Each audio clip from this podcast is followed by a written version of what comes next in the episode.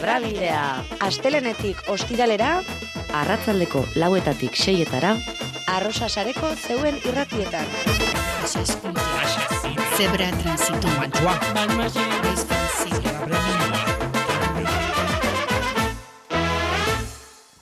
Amatasunaren gaiari eutxi eta ikuspegi feministatik lantzeko asmoz, atxo lorra proiektua garatu dute parean elkartean.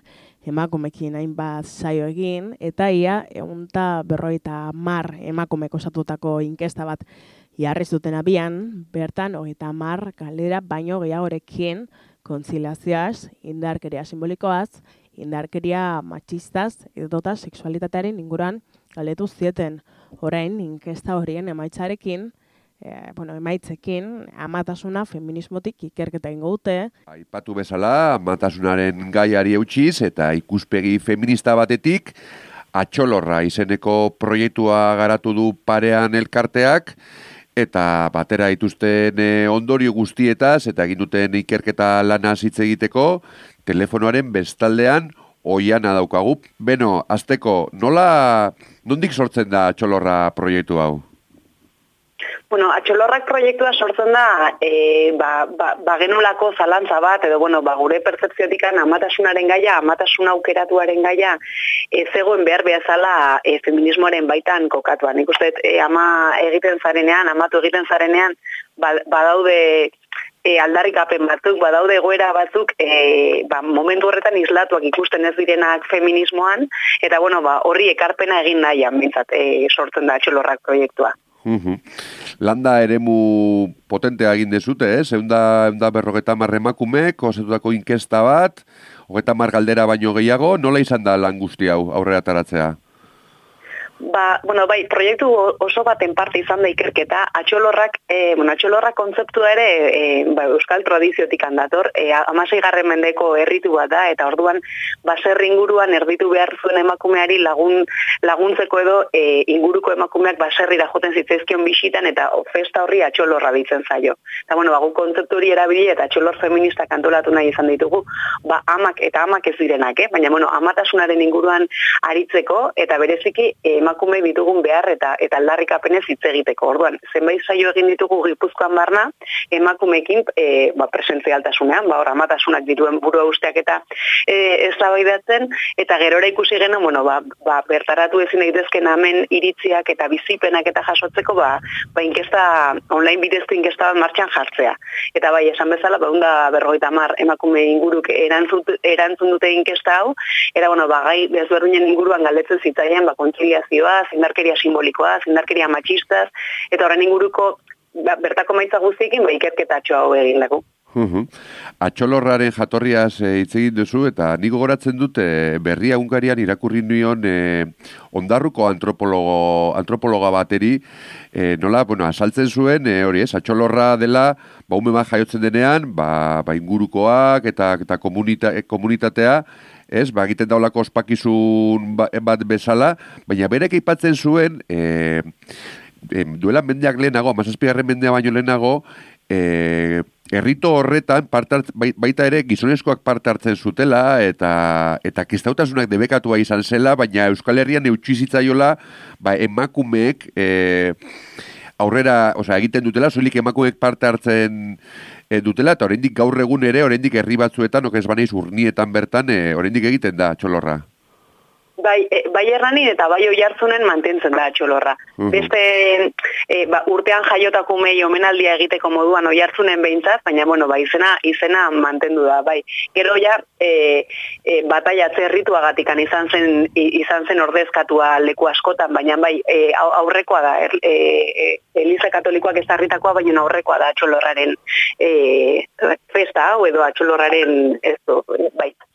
Ados, bueno, de, ya, de zuzenean sartzen hori egin dituzuen ekarketen e, maitzetara, e, lehenengo galdera, e, oraindik gaur egun e, balda, balda presiorik, emakumeek presioa sentitzen aldutea e, ama izateko, Ba, e, erantzun dutenen artean, uneko berrogeita maikak onartzen du, bai, presioa egon badagoela, eta e, ez ezko erantzuten dutenak ere zalantza dute era, ea presio hori ere dagoeneko erabat interiorizatua dugun. Nahi, ez ez sentitu ea, ea erabat ikasia den e, ama izan bargaren hori. Mm Orduan presioa horrendik egon badago, gainera presio hori, e, presio horrek ez du eskutatzen makarikan e, umea eduki edo ez, ez nahi, horratzean ez, badaude e, ama izan nahi eta ezin dutenak, hortaz ez apenas hitz egiten, ama izan nahi ez dutenak, etengabe justifikatu behar dute beraien erabakia, ez, nahi, hor badaude tabu asko presio horrek eragina.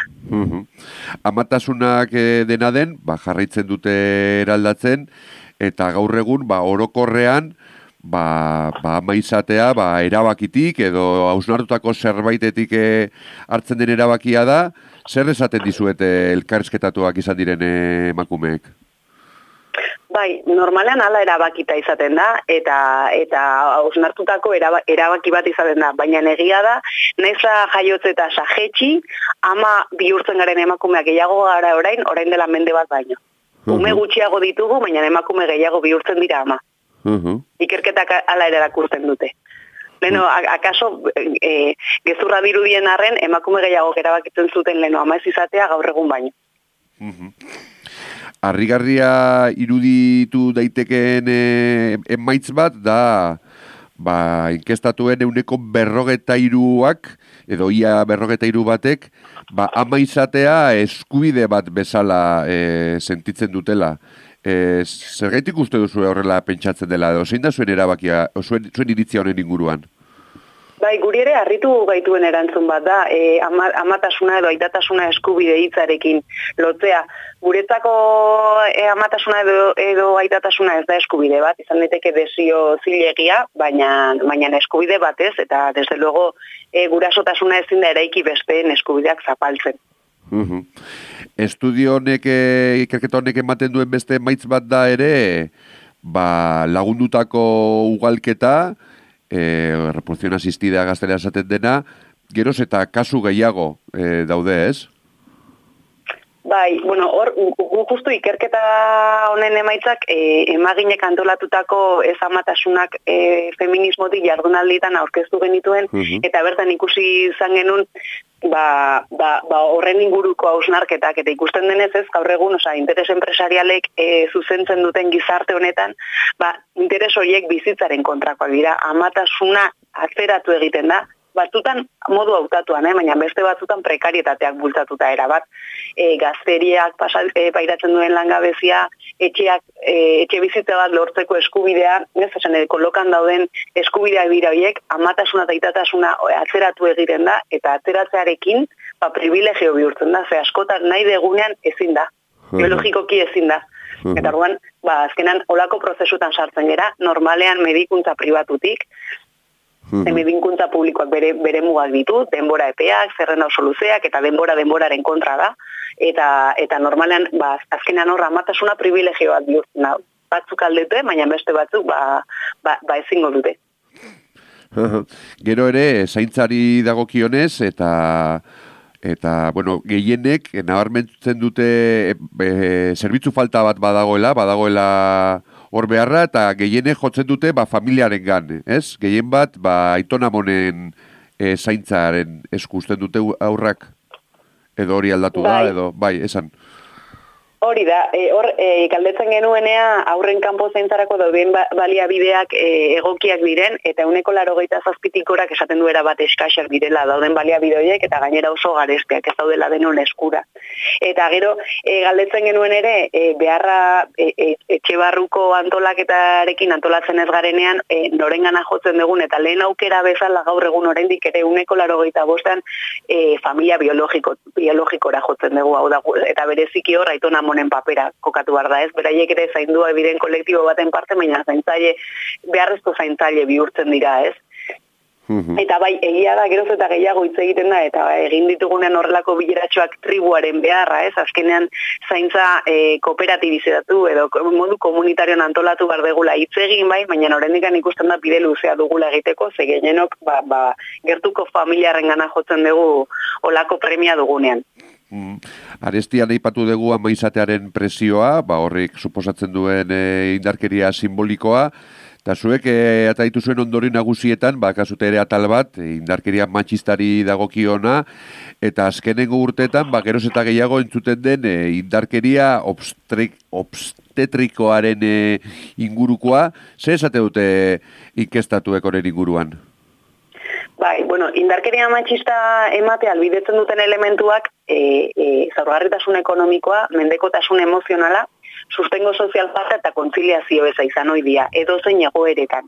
Eta tamalez, gaur egun ama izatea egungo sisteman, lau elementu horiek e, jasateko aukera asko zaundiago dago. dago. Orduan, hemen ondorizatzen duguna da, amatasunak, e, amatasuna ez da indarkeria matxista sufritzeko elementu bat baina negia da ama gaur egungo egoeran hortara eramaten gaituela. Azkenean guk hartzen ditugu estudentziak, guk hartzen ditugu murrizketak modu handi batean, horrek zaurgarritasun ekonomiko egoera batean jartzen gaitu, momentu batean oso bakarriko e, e, e, umea jaio eta lehenengo jabete horietan e, gehien, gehien sentitzen den sentsazioa edo emozioa bakardadearena da. Hori emakume asko errepikatu dute. Eta orduan, ba, ba azkenean sostengu falta hori ere badago eta horrek guztiak e, kalte egiten du benetan e, indar, bueno, edo, edo baldintzatzen du indarkeri matxista gora batean bizitzea. Eta gainera, hortik ateratzea komplikatuago egiten du. Zama bikoitza, zama bikoitza suposatzen dio emakume bati ama izatea, e, ba, ba indarkeri matxista gora batetik ateratzeko. Uh amatasunak hori aztertu dituzue, eta bada badagian e, zehazkik jorratu ez dezutena, baina Euskal Herrian ere bada, ba, bueno, keskaren bat, edo, bueno, datueko, datuak hor dauden mai gainean, ba, demografikoki, geroz eta zaharragoak e, garelaren e, e, datuak, e, geroz eta ume gutxiago, hortik, e, e, ze, ze iritzi daukazute horren inguruan, en, en, en, nundik izan diteke jatorria horrena, edo benetan ez darazo bat, edo nola ikusten dezute hori?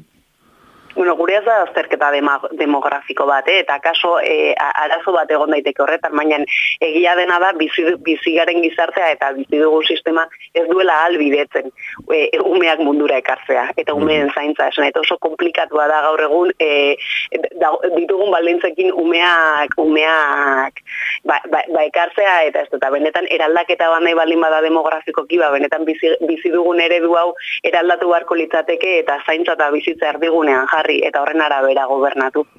Mm Elkarrizketa maitzeko, e, galetuko nahiko nizuke, ba, ea, ea feminismotik orokorrean, eta baita, ba, bueno, Euskal Herriko mugimendu feministatik, ba, matasunaren hausi honitz, e, zer nolako ekarpenak egin zaizkion e, dagoeneko?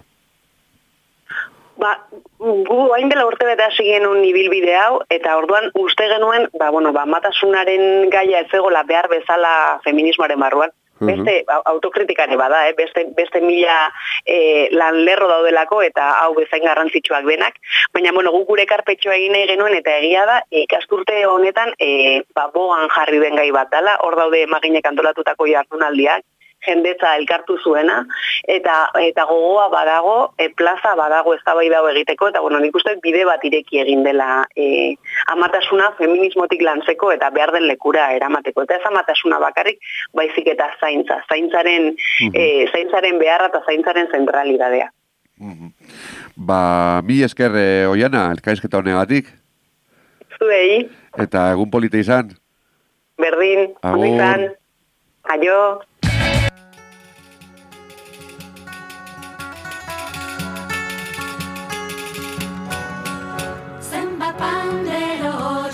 patrikitik kantu, ez ote ditugu hiltzera kondenatu. Amonen ametsak antzutu zein mututu, amak zokoratu, ilun pera makurtu. Zenba bandero, zenba trikitik kantu, ez ote ditugu hiltzera kondenatu. Amonen ametsak